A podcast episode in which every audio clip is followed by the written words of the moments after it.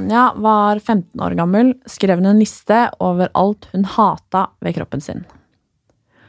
Hun skrev ting som eh, operere nesa, operere bort ribben, operere anklene, bli høyere, fettsuge magen, ta Restylan i leppene, få silikonpupper, få smalere midje og få smalere benbygging. Da hun var tolv år gammel, fikk hun sitt første panikkanfall.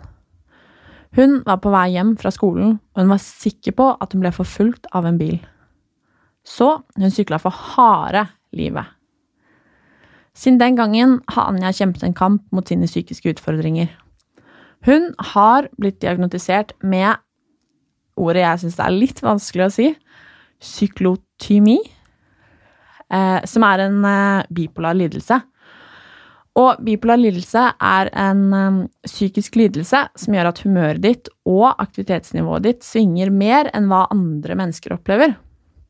Bipolar betyr to poler, og disse to polene eh, står for mani slash eh, hypomani, som da er oppstemthet, og depresjon, som er nedstemthet. I dagens episode skal jeg få snakke med Anja. Og vi skal snakke om psykisk helse. Anja sine erfaringer og hvordan det er når absolutt alt skal være perfekt. Velkommen, Anja. Tusen takk. Takk for at du vil komme til meg. Takk for at du hadde lyst til at jeg skulle komme. Det er skikkelig, skikkelig hyggelig, og jeg gleder meg til å prate med deg. Tusen takk i med deg. Mye fordi jeg tror at um, vi kanskje er litt like. Mm. Det vi kanskje har uh, tenkt litt de samme tankene opp igjennom. Mm. Så jeg er veldig spent på å bli rett og slett bedre kjent med deg. Mm. Men eh, kan ikke du først eh, begynne å fortelle litt hvem du er? Hvem er du, hvor gammel er du, hvor bor du, hva driver du med? Ja. eh, eh, jeg er 24 år gammel. Eh, akkurat nå så har jeg nettopp flyttet tilbake til Oslo og fått meg 100% jobb etter ferdig bachelor. Så jeg jobber med sosiale medier og eventer og markedsføring. Kult. Yes. Og hvor eh, er du fra? Jeg er fra Gol, hvis du vet hvor det er. Jeg vet hvor Gol er, for der var, har jeg vært eh, mange ganger, og det, jeg vet egentlig ikke helt hva jeg har gjort der, men Sikkert vært på Pers hotell og Ja. Tropicana badeland. det Der sa du det. Jeg husker ikke hva det er. Jeg har vært på Pers hotell ganske mange ganger. Det er, jeg husker faktisk hvordan gata liksom rundt deg ser ut fortsatt. Yes, det er vel det det eneste i sentrum der. Ja. Hvorfor flytta du til Oslo? Uh, jeg ville egentlig bare komme meg bort fra Gol så fort som mulig. Så jeg flyttet først rett til New York, faktisk. Oi, wow! Ja, Så fra, en, fra et tettsted med 4000 innbyggere så flyttet jeg rett til storbyen sjøl. Ja, og hva var liksom, Hvor gammel var du da? Da var jeg 19. Det var rett etter videregående.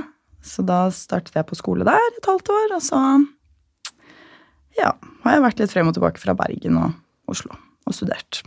Imponerende. Mm, Jo da, ja.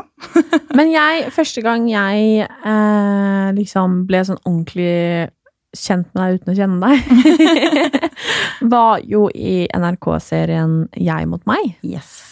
Fordi du var med Har det vært to sesonger av det? Yes, jeg var med i andre sesong. Ja, det var det jeg regna med. Eller det, ja. Eh, hvorfor ble du med der? Eh, på det tidspunktet hvor jeg fant eh, den søknaden, da, eller at det NRK søkte deltakere, så var jeg på et veldig lavt punkt. Jeg følte bare alt var kaos i livet. Jeg hadde ikke orden på noen ting. Eh, Jeg var halvveis i bacheloren min, og jeg følte ikke Jeg følte ikke at hverdagen hadde noen mening, da. Og um, ja, jeg har Jeg følte ikke det var noe som hjalp lenger. Eh, Jeg hadde gått jevnlig til samtaler siden jeg var tolv. Eh, Med både psykologer og psykiatere, leger. Eh, Jeg har til og med vært på sånne healere og masse forskjellige ting. Eh, Og ingenting så på en måte ut til å hjelpe, da, uansett hvilken behandler jeg fikk, eller hvor jeg var. Jeg hadde da gått på medisiner i nesten et år, og det også så ikke ut til å hjelpe noe. Og så så jeg den annonsen, da. Og det var bare sånn Det var, det var så treffende, da. Den derre jeg mot meg, på en måte.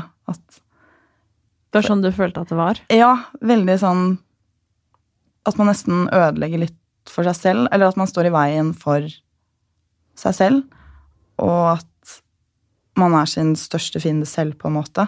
Så det var bare veldig mye som traff meg med hele den annonsen. Og da var jeg sånn Hadde hatt en helt grusom natt eh, hvor jeg bare gråt. Og jeg hadde egentlig vært ute, men jeg bare måtte hjem rett fra byen og bare forlot alle vennene mine. og ja, så der satt jeg og, med hovne øyne og dro opp eh, mobilkamera og filmet inn søknadsvideoen.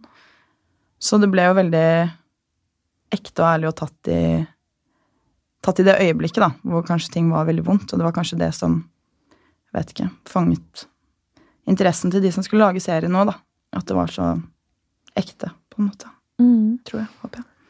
For hvordan var du Eller jeg vet jo at det første gang du følte på en måte på angsten, var da du var tolv år gammel. Ja. Hvordan var livet før, før du var tolv år?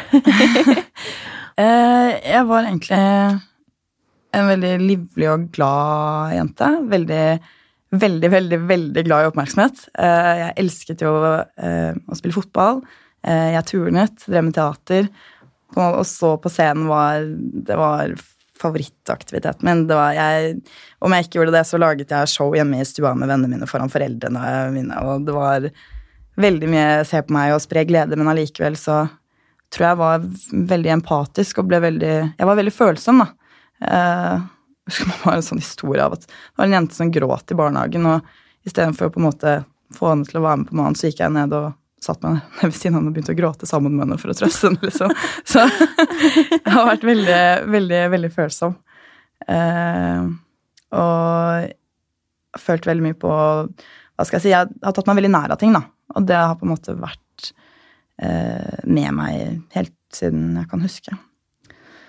Så det var eh, før det, men den Ja. Jeg tror det var sånn det kanskje begynte å utvikle seg litt. At man føler litt ekstra på alle følelsene og er litt utsatt, da. eh, Mm.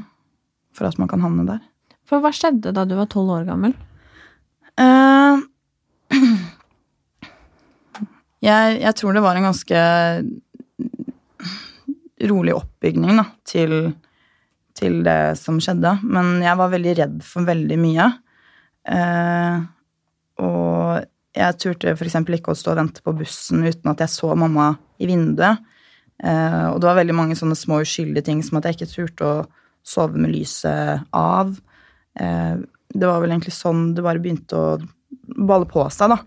Med at jeg til slutt ikke fikk sove med mindre mamma og de var våkne med døren åpen. Og til slutt så utviklet det seg på en måte til tvangstanker. da, At jeg ikke kunne sove den veien. Jeg kunne ikke ligge sånn. Jeg hadde rutiner jeg måtte gjøre før jeg la meg. det var veldig sånn, Og hvis ikke, så visste jeg at jeg kom til å få den hjertebanken. da, At hvis jeg ikke gjør dette, så kommer jeg til å få den, den følelsen. Og jeg visste jo ikke at det var angst. Eh, for det var jo ikke noen som snakket om det på den tiden, og vi hadde jo ikke sosiale medier omtrent. Eller noe sted man kunne få informasjon fra, da. Så jeg var jo egentlig bare ekstremt flau over at jeg var så mye redd for ting. Eh, og det her bare fortsatte å bygge seg opp og bygge seg opp og bygge seg opp. Og til slutt så var det jo en episode hvor jeg da syklet hjem, og jeg har fått for meg at dette er en mann som skal drepe meg, som kjører bak meg i en bil. Og det var første gang jeg bare jeg syklet og kom meg hjem i hagen, og jeg falt sammen i bakken for jeg ikke klarte å puste, og jeg trodde jeg skulle dø. Eh, og etter det så var det Da bare gikk alt helt nedover. Hvorfor tror du at du på en måte var så redd i utgangspunktet? Det har jeg spurt meg selv om veldig, veldig mange ganger. Eh, Det er det som er veldig rart, fordi man får jo høre sånn 'Å, du kan ikke se på skrekkfilmer hvis du blir litt fort redd', og det var veldig mange som mente at jeg kanskje hadde fått det fra et sted, da, men jeg så aldri skrekkfilmer fordi jeg visste på en måte hva som kom til å skje hvis jeg gjorde det. Eh, og jeg, jeg har ikke noe annet svar enn at jeg vet faktisk ikke. Om det var veldig mye usikkerhet på skolen, og at jeg ikke hadde det bra, som til slutt førte til at det utviklet seg på den måten det gjorde, da. Eh, kan godt være mulig, for alt jeg vet. Men denne sykkelepisoden, da var du tolv år. Ja. Det er ganske ungt. Ja, det var eh, veldig ungt, men der og da så følte jeg meg veldig Jeg følte meg på en måte for stor til å være så redd, så det var det som var veldig vanskelig. For jeg fikk en egen madrass inne hos moren og faren min, og den, måtte jeg, den hadde jeg på gulvet, så jeg kunne sove der inne, og jeg fikk jo helt Jeg fikk veldig ofte sånn pustebesvær når jeg skulle sove. Fordi at jeg var så sikker på at det var noen som fulgte med meg. Jeg, jeg var jo helt paranoid. Eh, og da føler man jo seg veldig voksen, fordi at eh, man tenker på de i klassen sin, da. At de sover ikke i foreldrene sine seng. De trenger ikke dette. De kan godt sove på rommet med lys av. Og overnattingsbesøk var f.eks. et problem. På skolen så kunne jeg ikke gå på do alene. Jeg måtte alltid få med meg noen. Og hvis jeg ikke fikk med meg noen til å gå på do, så holdt jeg meg jo hele skoledagen til jeg kom hjem og hadde vondt i magen på en måte, fordi jeg måtte så tisse. Så jeg følte meg jo veldig voksen. Men når jeg ser tilbake på det, så er det jo veldig, veldig ungt. Men da du på en måte lå på bakken og var så redd og hadde angstanfall, hva, hvordan ble på en måte veien videre da? Sa du det til noen? Var det noen som så deg? Hvordan på en måte fikk du hjelp? Det var Jeg, jeg har en veldig Jeg har et veldig altså, åpent og godt forhold med moren min, så hun har på en måte vært der hele veien. Eh, men jeg tror hun også følte litt på det at jeg kanskje var litt ung, at det kanskje var noe jeg kom til å vokse av meg. da, at jeg, Sånn som med å være mørkredd på en måte. Men så gikk det jo et år, og så Ikke sant. Man blir jo Og jeg ble bare redd og redd. Og til slutt så var det sånn Jeg ville, kunne ikke være med ut og se på fyrverkeri på nyttårsaften. Jeg måtte sitte inne, jeg, inne i bilen og låse bilen fordi jeg var så redd for at de bak oss skulle komme for å ta meg. da. Og det var det at jeg på en måte til slutt begynte å unngå de situasjonene som jeg visste jeg kom til å bli redd. Og det, der, og det er så godt å ha hørt i ettertid da, at det der å ha angst for angsten faktisk er noe reelt, som jeg faktisk følte på. fordi da sluttet jeg å sykle til skolen, og da sluttet jeg å på en måte gå på do. Det ble alle disse omveiene. Du beskytta deg på en måte fra, det å få angst? Yes. Og det Som sagt så visste jeg jo ikke hva det var, men jeg husker bare når mamma kom inn og satte seg ned med meg, for da satt jeg og hyperventilerte og gråt, og for da skulle jeg sove, og da hjalp det ikke at de var våkne med lyset på i hele huset, for det pleide på en måte å hjelpe, men til slutt så ble jeg så redd at ingenting hjalp, og da satt hun sånn hjemme med meg og var sånn Vet du hva, nå, nå tror jeg det er på tide at du snakker med noen. Og på en måte forklarte prosessen for meg, men hun var veldig klar på at selv om du snakker med noen, så kommer ikke det her til å forsvinne. Dette er noe du må jobbe med selv, selv om du går til noen, da. Og sånn startet jeg hos psykiatrisk sykepleier før jeg ble sendt videre til BUP. Hvor gammel var du da? 13? 13, ja. Mm. Hadde du begynt på ungdomsskolen da? Eh, ja, det hadde jeg. Hvordan var det liksom på skolen og sånn, når du var så redd, med venner og alt? Hvordan, hvordan var på en måte det, det miljøet du var i? Det var ikke så åpent. Eh, så jeg har egentlig aldri snakket med vennene mine om hvordan jeg har hatt det. Og jeg prøvde jo så godt jeg kunne å skjule det, for det var jo sånn- det var veldig flaut. Eh, det ble noe veldig barnslig, følte jeg, da, over, over det hele. Og da var det på en måte ikke noe jeg ville bringe på banen, fordi jeg følte ikke at noen andre slet med det samme, da. Eh, Så jeg hadde jo samtaler hver eneste uke, og det var greit når eh, det var når jeg gikk til psykiatrisk sykepleier, fordi da var det på skolen. Så da kunne jeg bare snike meg ned i sånn friminutt og midttime og være der, da. Eh, Men det ble verre når jeg måtte begynne å bli hentet på skolen og bli kjørt en gang i uken til nabokommunen da, for å dra til BUP. Men jeg hadde på en måte alltid unnskyldninger, og vi la det på en måte til sånn Sånn at det, det var på slutten av skoledagen, så jeg kunne dra tidligere, og det ble litt sånn, ja, jeg kunne si at jeg hadde vondt i magen, eller skulle til legen, eller noe sånt. Altså, de unnskyldningene har vært eh, mange, og Var det slitsomt? Å føle at du på en måte måtte skjule, skjule det litt? For det var jo på en måte det det ble. ja jeg, jeg tror jeg bare var så opptatt av å holde på imaget mitt, eller å bli så forferdelig godt likt, da. Eller å ikke bli mislikt var vel det jeg prøvde å jobbe mot. Eh, så jeg brydde meg nok ikke om at jeg ble sliten. Tror du at folk hadde likt deg dårligere om de visste at du sleit? Eh, der, nå så vet jeg ikke. Eh, jeg tror det handler veldig mye om miljøet man er i, men det jeg var mest redd for, var vel det å bli kalt oppmerksomhetssyk. Eh, og at folk så på det som noe som ikke var helt sant, og noe jeg kun gjorde for den der å få den eh, sympatien og oppmerksomheten. da. Eh, og det var vel mest derfor jeg ikke sa noe. Mm. Og hvordan var måte, hvordan var ungdomsskoleårene da? Ble det bedre når du fikk på en måte hjelp? Ja, jeg, jeg lærte veldig mange teknikker, og vi jobbet Altså, det var en veldig strukturert måte å jobbe mot å bli kvitt angsten på, da. Eh, noe som jeg opplevde som veldig positivt. Eh, men så var det jo andre ting i de ungdomsårene også som var veldig vanskelig. Eh, som da gikk igjen Eller som gikk utover selvtillit, da. Mm. Fordi, eh, som jeg fortalte innledningsvis, så eh, var jo du 15 år gammel Mm. da du skrev en liste over alt hva du hata ved kroppen din. Mm. Hvorfor gjorde du det? Nei, jeg tror jeg bare hadde et ønske om å bli veldig perfekt, da. Eh, Å bli en versjon av meg selv som ingen kunne si noe på. Eh, Så ingen hadde noe å, å på en måte ta meg på, da. Eh, Så, så egentlig så var det en litt sånn arbeidsliste som jeg tenkte at jeg skulle på en måte jobbe meg gjennom, og sånn Da vil jeg kanskje bli fornøyd, da. Når alt det var gjort. Så kanskje jeg på en måte fikk det litt bedre, og at folk Ja, jeg vet ikke. Anerkjente meg da, og likte meg, på en måte. Så du tok på en måte følelsen du hadde inni deg, og tenkte at det eh, var noe du kunne fikse med å på en måte fikse på ut, ut, altså utsiden av Mm. utseendet? Mm. Det var egentlig det, og fordi Nei, jeg vet ikke. Jeg syntes jo ikke noe om personligheten min heller, men det var bare et eller annet som Det, var, det ble på en måte bare så mye enklere å fikse utsiden enn kanskje innsiden, da. Har du noen gang fiksa noe på utseendet ditt? Nei, ingenting.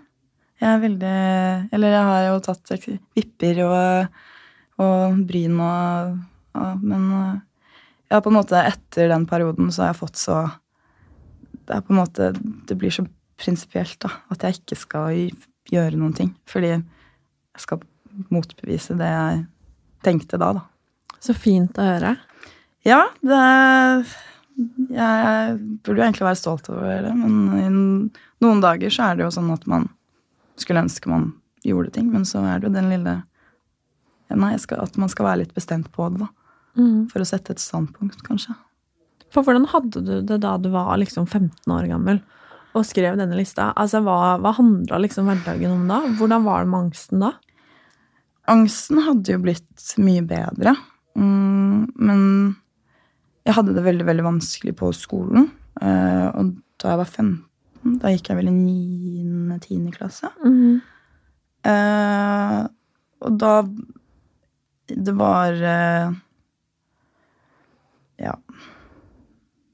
Det var veldig vanskelig vennemessig.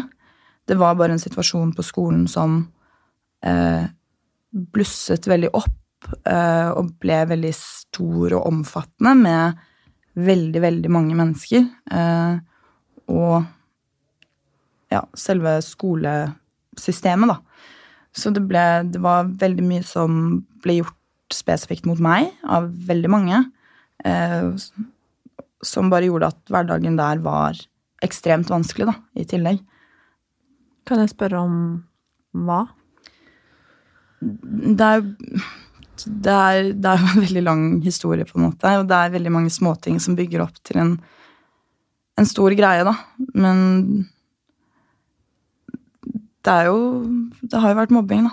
Jeg syns at Men det er det at ordet mobbing for meg blir Det blir for lite, på en måte. Det, blir, det blir ikke like omfattende som det jeg følte at situasjonen min var, da. Eh, og det må jeg jo bare understreke at alle har jo sine egne eh, opplevelser av ting som har skjedd. Eh, og jeg som på en måte følte meg som et offer, vil jo på en måte huske det som det, og kanskje noen andre husker det som noe annet. Eh, men det var Ja. Det var veldig mye som ble gjort, og veldig mye jeg ble holdt utenfor. Jeg husker det var en gang så, var det, så satt jeg alene og spiste lunsj, og så kom det en jente bort til meg som jeg egentlig ikke kjente så veldig godt, men som gikk på samme trinn som meg. Og hun satte seg ned med meg og var sånn Ja, Anja, nå er vel jeg den eneste vennen du har. så det er liksom Ja, vi var ikke gode venner engang, og jeg kjente henne egentlig ikke. Så det bare, jeg føler det sier så mye om situasjonen, da. Bare liksom. Det er det stygt å le. Ja, men det er jo helt, det er jo helt tullete. Det høres ut som noe fra en dårlig film, men jeg bare husker så godt akkurat den kommentaren. Så ble jeg sånn Vet du hva? Det stemmer. Det var helt rett. Ja, det var i hvert fall noen som så deg, da. Det var, ja, det var Ja, det var, det var det. Jeg skulle bare ønske det, det var flere noen ganger. Det skjønner jeg veldig godt. Mm. Hva tror du gjorde at du på en måte ble holdt utenfor og Ja. Jeg vet ikke. Jeg, jo, jeg tror det er derfor jeg på en måte har altså, grav, altså ødelagt så mye av meg selv også, da, fordi man blir jo sittende igjen og plukke seg selv fra hverandre bit for bit og bare Å, hm, er det denne de kanskje ikke liker? Er det denne delen? Det, kan jeg, hvordan kan jeg finslipe denne delen for at den skal bli bra nok til at de skal like meg? da?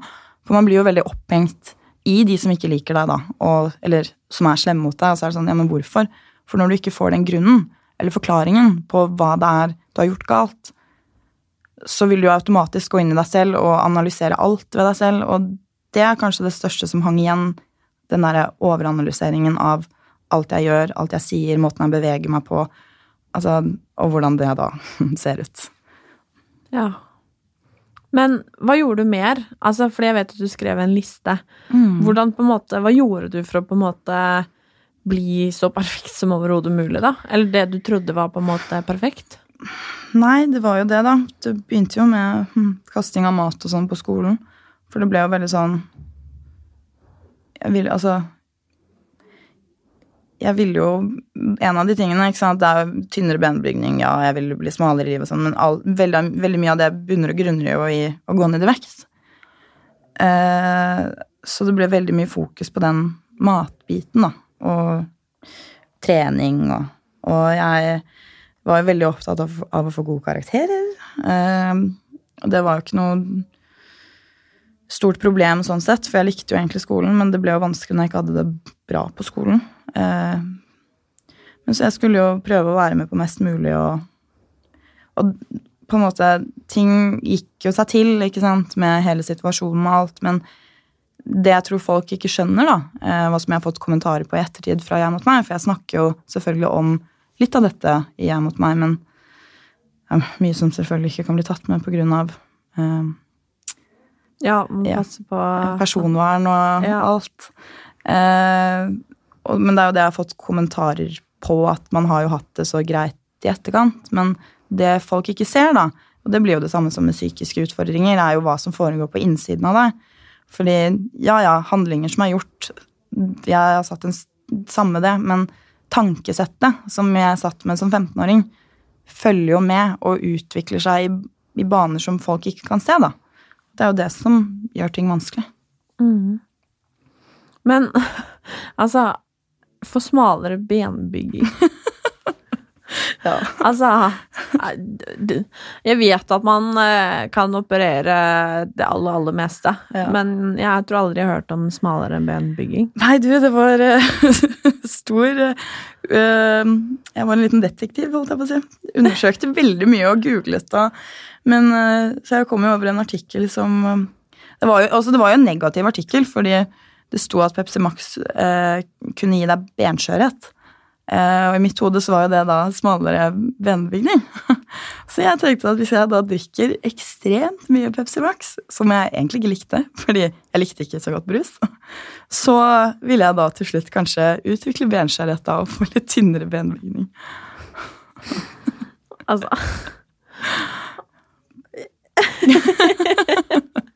Jeg vet ikke om jeg skal le eller grine. Nei, er, jeg, jeg foretrekker å le akkurat på det, fordi det er jo så dumt. Men det er bare Men samtidig, jeg vet, og jeg har tenkt ganske mye rart opp igjennom selv, mm. eh, og jeg vet at det der og da så høres det ut som det mest logiske Mm. i hele verden. Mm. Som at det skal løse liksom problemet ditt. Mm.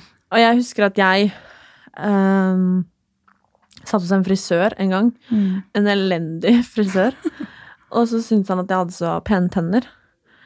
Um, og da Jeg tror fortsatt at jeg gikk på barneskolen eller noe sånt. Altså. Mm.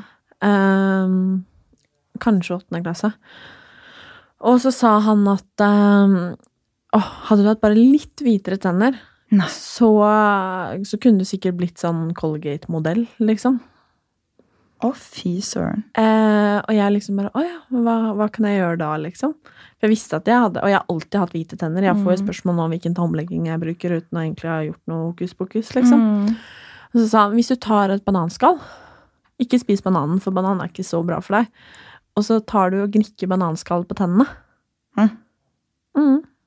Så skal du få hvitere tenner. Gnikka ganske mye bananskall på tanna. Å, herregud. det er det verste jeg har hørt. Uh, Det trikset har ikke jeg hørt om, men eh, hvis jeg hadde hørt om det, så hadde jeg sikkert gnikka bananskall, jeg òg. og det er jo det som er så forferdelig. For at jeg tenkte Jeg husker ikke når jeg slutta med det heller, men det var vel når jeg skjønte at eh, jeg, visste, jeg husker at jeg husker ikke om det var innsiden eller utsiden. Nei, nei, Så jeg prøvde litt begge, begge deler, deler. liksom. Og det er sånn når jeg sitter her nå, så skammer jeg meg, liksom. Men der og da så tenkte jeg åh, det kan bli litt kulere, det kan bli Mm. litt bedre, det kan bli litt penere. Mm. Så det er sånn, sånn som for smalere benbygging, det er sånn Ja, vi kan le oss i hjel av det, liksom, men Mm. det er sånn Det, det er så altoppslukende også. Det er akkurat det det er. Mm. Og det er, jeg tror, ekstremt mange kan kjenne seg igjen. Det tror jeg også. Jeg husker bare hvordan jeg eller hvordan det her fortsatte, og jeg drev og trakk sånn hvetegress eller noe. Jeg syntes det smakte helt jævlig, men det var sånn grønt pulver man blandet i. Så blandet jeg det i vann, for det var jo selvfølgelig mindre kalorier enn å blande det i juice. Og bare hadde det i vannet og måtte drikke det hver morgen. Og jeg husker mamma sto og så på meg bare Vet du hva, nå begynner å gå litt for langt her. Så tvang i meg den der, det hvetegresset og dro på trening som jeg egentlig ikke syntes var gøy. og liksom det, Hvorfor liksom skulle du gjøre det? For at du Nei, det skulle Hva skulle det gjøre ennå? Du skulle få penere Penere hår og hud og negler og mer energi og høyere forbrenning eller noe sånt, tror jeg. Så jeg husker jeg drev og spiste sånn derre For det har jeg også sett noen faktisk bloggere som drev og reklamerte for. Noen sånn chilitabletter som skulle øke forbrenningen din. Så jeg satt og stappa i meg sånne chilitabletter og bare Woohoo. Ja. Som blogger så velger jeg bare kremte til, til det. Ja. Jeg det. tror vi tar et kremt der. Det jeg gjør når sånne ting dukker opp på Senest i helgen, så dukka det opp sånn Jeg gidder ikke å si hva det heter engang, Mm. sånn at i tilfelle folk Yes. tenker som oss. Mm. Um, så, som liksom lovte høyere forbrenning og tjo og hei. Mm. Rett inn, rapporter. Ja. Bort, få det vekk. Dette er noe drit. Det er helt forferdelig. Eh, og jeg bare tenker på det Altså hvordan Hvordan det tar opp så mye av tankene dine hele tiden, og du Fordi du, du vil jo alltid lete etter den lette løsningen som skal få deg til å nesten egentlig ikke være deg selv engang, men bare få deg bort fra, fra, fra alt det du hater, da. Mm. Uh, som du egentlig ikke har noen grunn til å hate, men fordi du sliter såpass mye med deg selv og alt annet. Og så kommer det disse lette løsningene. Sånne teer og piller og Drit og helvete. Yes. Men jeg lurer, fordi hvordan eh, Når du da begynte på videregående, Mm. eh, hvordan var din psykiske helse da? Du, den eh, var eh, veldig, veldig dårlig. Eh, og jeg skjønte det egentlig ikke før jeg fikk høre hva depresjon var. Det hadde jeg egentlig ikke hørt så mye om, men jeg hadde en eh, kjæreste som også var ganske syk. Eh, et veldig, veldig dårlig forhold da, med to som er veldig psykisk syke. Det var helt fantastisk og helt grusomt. Og gjorde veldig mye med meg, det også. Men jeg husker bare at jeg begynte å skulke skolen veldig mye. Fordi at jeg var så trøtt. At jeg, jeg var så trøtt. Jeg var, var, jeg var, mamma var på en måte ikke trøtt heller, men bare en sånn derre utmattelse Altså som Du var som stein, da. Og det var så lite som ga mening. Og samtidig som jeg følte det sånn, så begynte jeg å kaste opp maten min. Eh,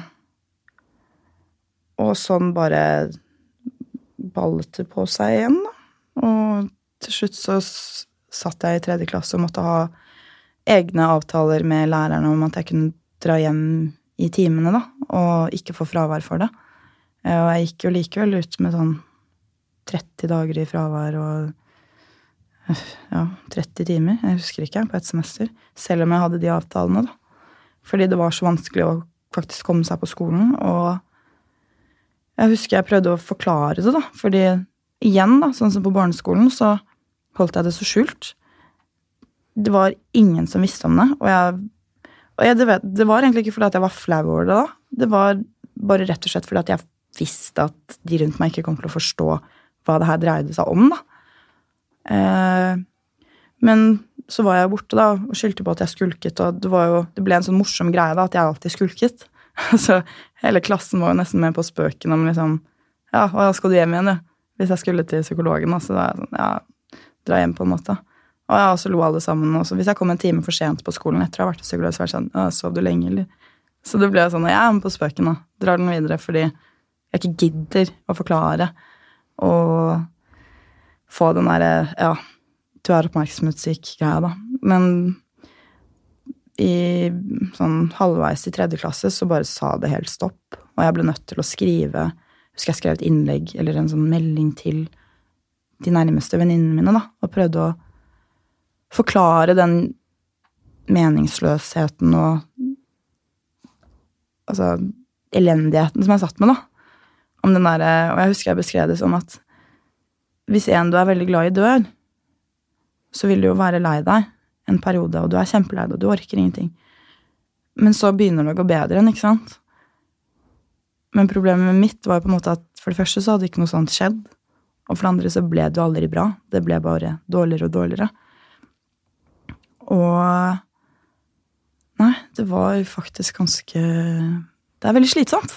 Mm. Og i tillegg da skal prøve å eh, spille fotball, eh, være med på revy, eh, være med på alle fester, være god på skolen og få gode karakterer. Det er Det blir veldig, veldig mye, da.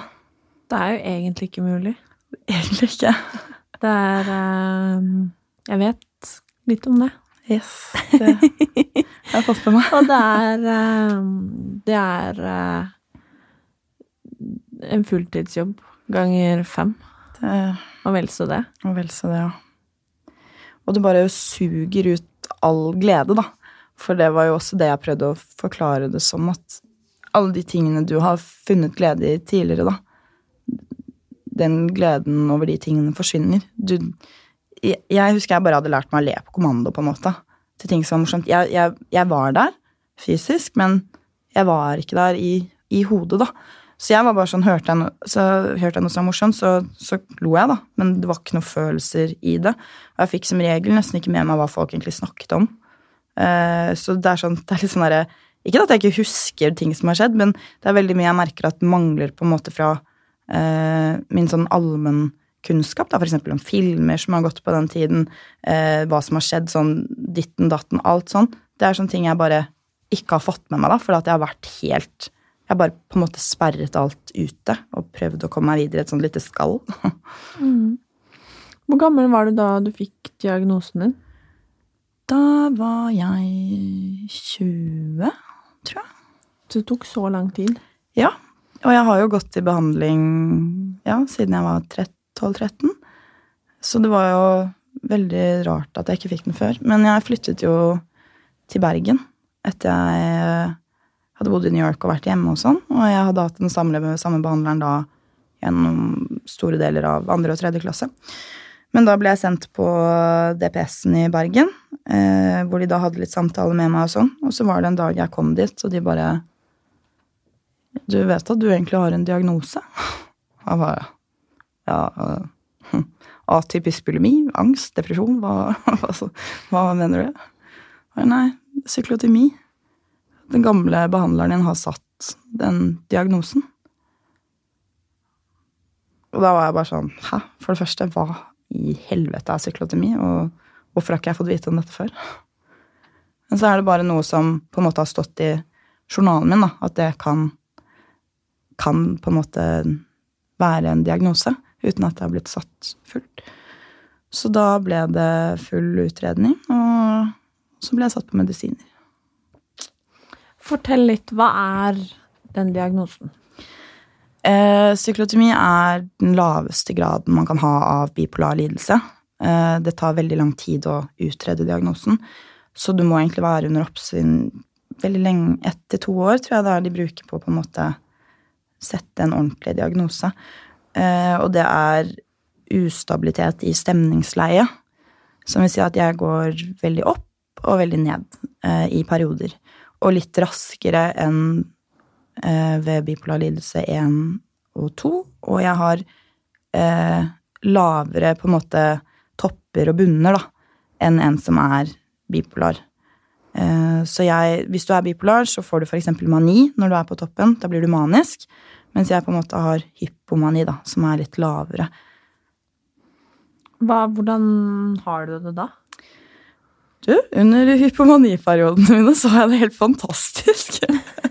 Det er, eh, da er jeg kongen på haugen, og jeg kan snakke med alt og alle, og jeg er utadvendt, og jeg, får, jeg trenger ikke å sove, jeg vil bare gjøre alt mulig, får ekstremt masse ideer, jeg er kreativ, og jeg har så mye selvtillit da, i forhold til det jeg vanligvis har hatt. Så jeg elsket jo de periodene, på en måte. Jeg, var, jeg kunne snakke med hvem jeg ville, om jeg f.eks. var ute på byen og sånn. Det var, det var ikke noe som lå imellom, da.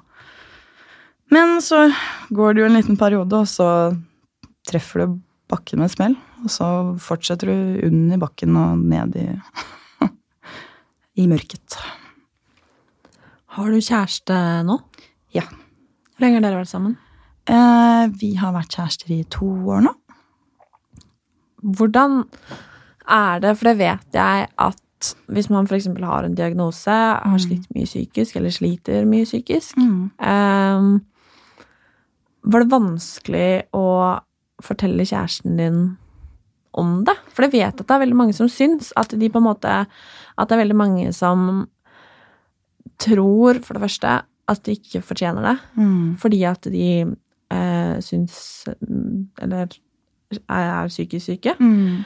Eh, og at veldig mange skammer seg og er Mm. redde for at en eventuell partner trekker seg litt unna, da. Mm. Fordi at det liksom er noe feil. Mm. Så jeg bare lurer på hvordan det har vært for deg.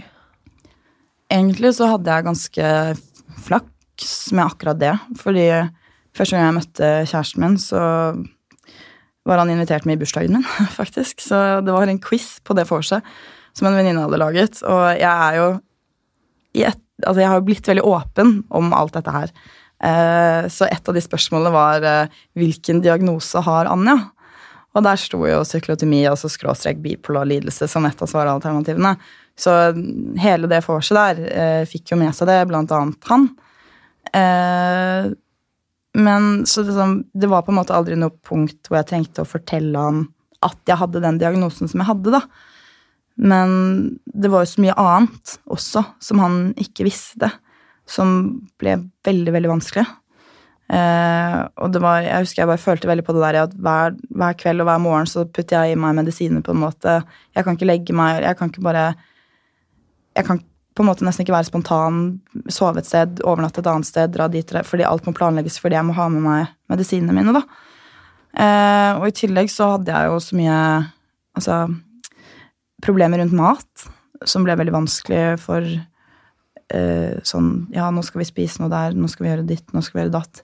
Han trener veldig mye, og han har et veldig eh, rasjonelt forhold da, til, til Eller en rasjonell tankegang, og har et naturlig forhold til veldig mye.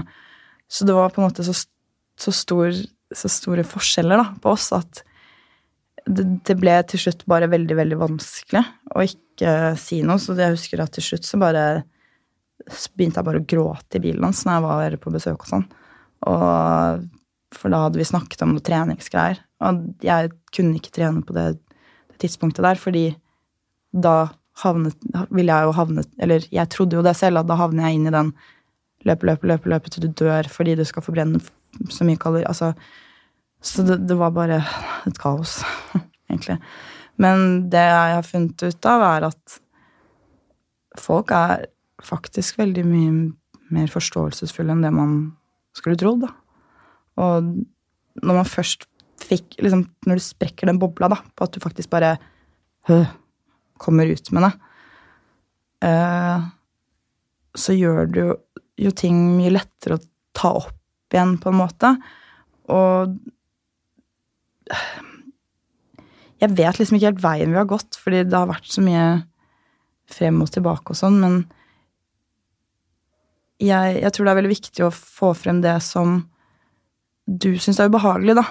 Å bare sette seg ned og kanskje I mitt tilfelle så er det jo veldig mye med mat. Eh, hva som er i mat, hva som er sunt, hva som ikke er sunt. Det har vært veldig vanskelig for meg for eksempel, når han har snakket om det. Og det blir jo veldig dumt når han er såpass For han er interessert i det på et annet nivå enn det jeg noen gang har vært.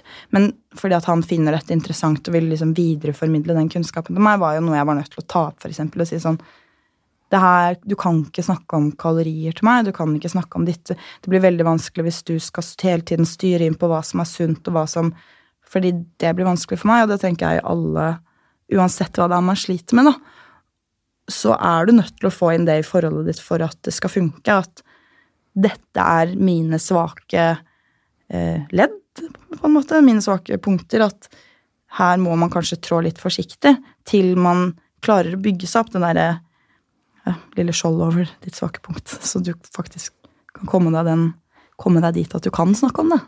Mm. Hvis det ga noe mening. Det ga veldig mening. Hvordan har du det liksom den dag i dag? det er jo ikke så mange år siden, liksom, du, Nei, det du snakker om. Det er det jo ikke. Det er Faktisk så er det jo Det er to år siden når vi spilte inn hjemme hos meg. Mm. Er, I morgen så er det et år siden første episode gikk på TV. Mm. Eh, og det er jo veldig mye som har forandret seg siden det. Eh, og egentlig så har jeg det ganske bra. Eh, jeg vil jo fremdeles gå litt opp og ned i, i stemningsleiet mitt. Eh, men jeg har trappet ned på medisiner, og jeg var nettopp ferdig med et 20 ukers intensivkurs, eh, CBT, mot bulimi. Så jeg eh, har eh, holdt jeg på å si, slått alle rekorder på veldig mange år med å ikke overspise og kaste opp. Gratulerer. Tusen takk. Bra jobba. Det, takk. Det er jeg veldig, veldig fornøyd med. Eh, så, men det jeg merker, er jo at nå har jeg jo flyttet akkurat, sånn ny jobb, nye greier, og det er jo da man blir veldig fort eh, svak, da. Eller litt ustødig, så man plutselig kan snuble. Eh, og det husker jeg at eh, terapeuten min også sa til meg når jeg var ferdig, at du kommer til å snuble, men det kommer også til å gå bra, for du kommer da på beina igjen.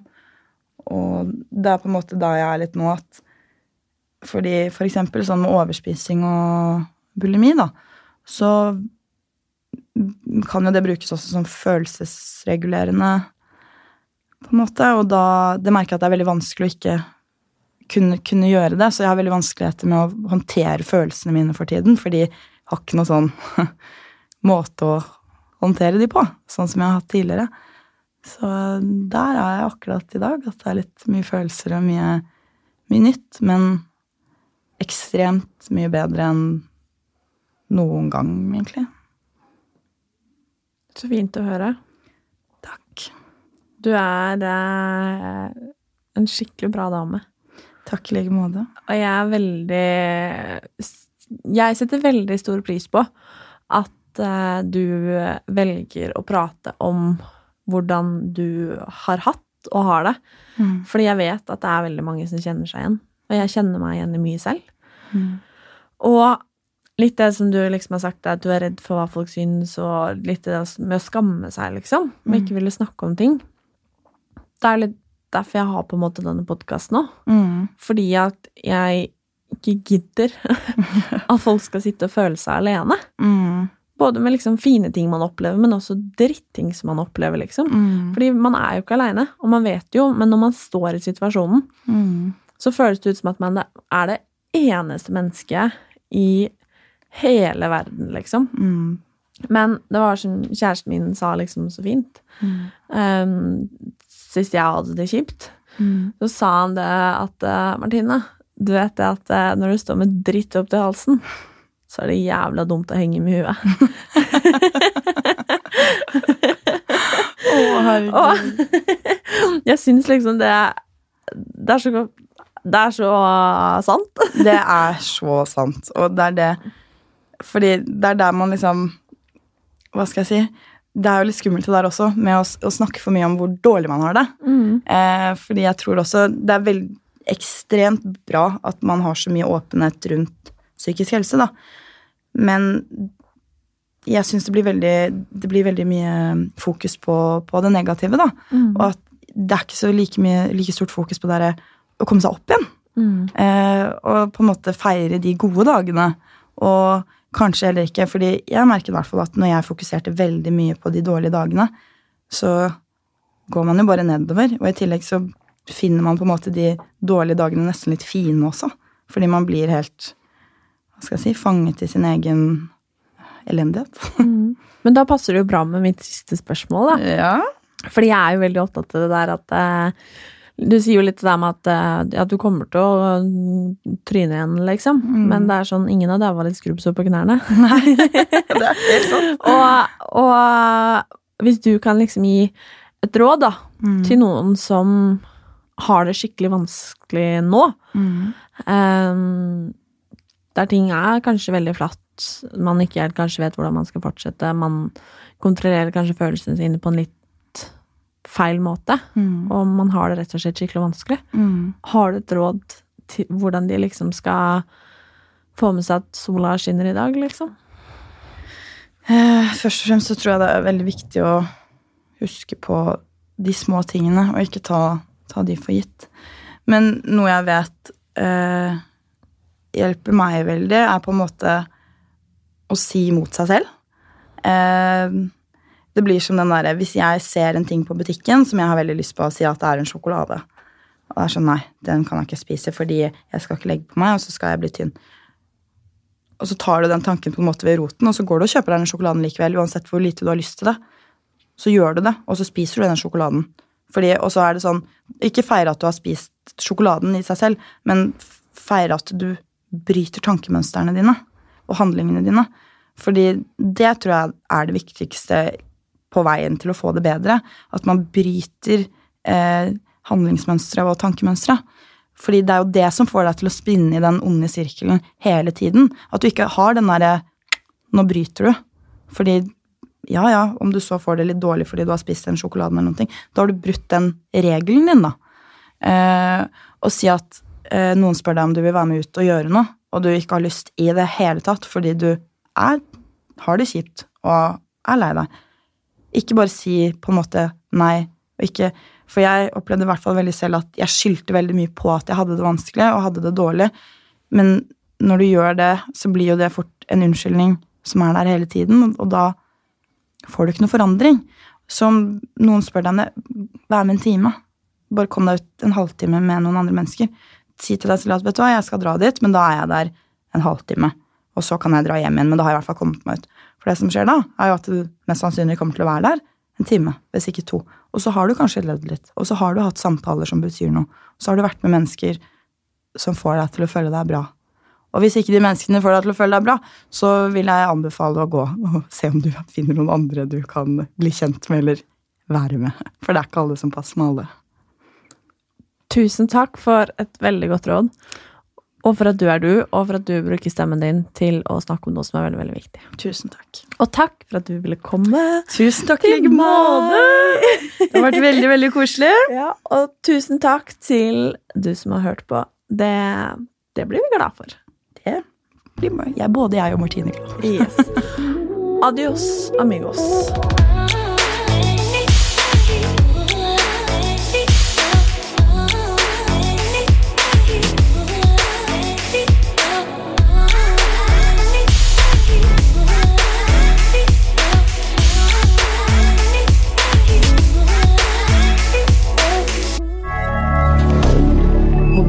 Canada.